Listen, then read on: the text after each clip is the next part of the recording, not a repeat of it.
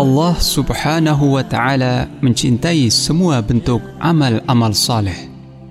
Sedangkan amal saleh yang paling dicintai Allah dan paling besar pahalanya adalah amal yang dikerjakan oleh seseorang secara terus-menerus meskipun amal tersebut ringan atau sedikit.